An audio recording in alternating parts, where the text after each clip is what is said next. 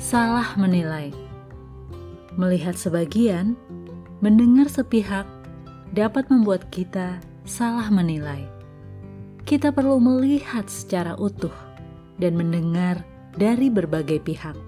Untuk itu, perlu waktu dan kesabaran. Jangan terburu-buru. Ada nasihat: cepat mendengar, lambat berbicara, lambat untuk marah. Sebab umumnya sesudah marah timbul penyesalan. Nafsu dalam diri manusia sering sulit dibendung, inginnya dilampiaskan saat itu juga.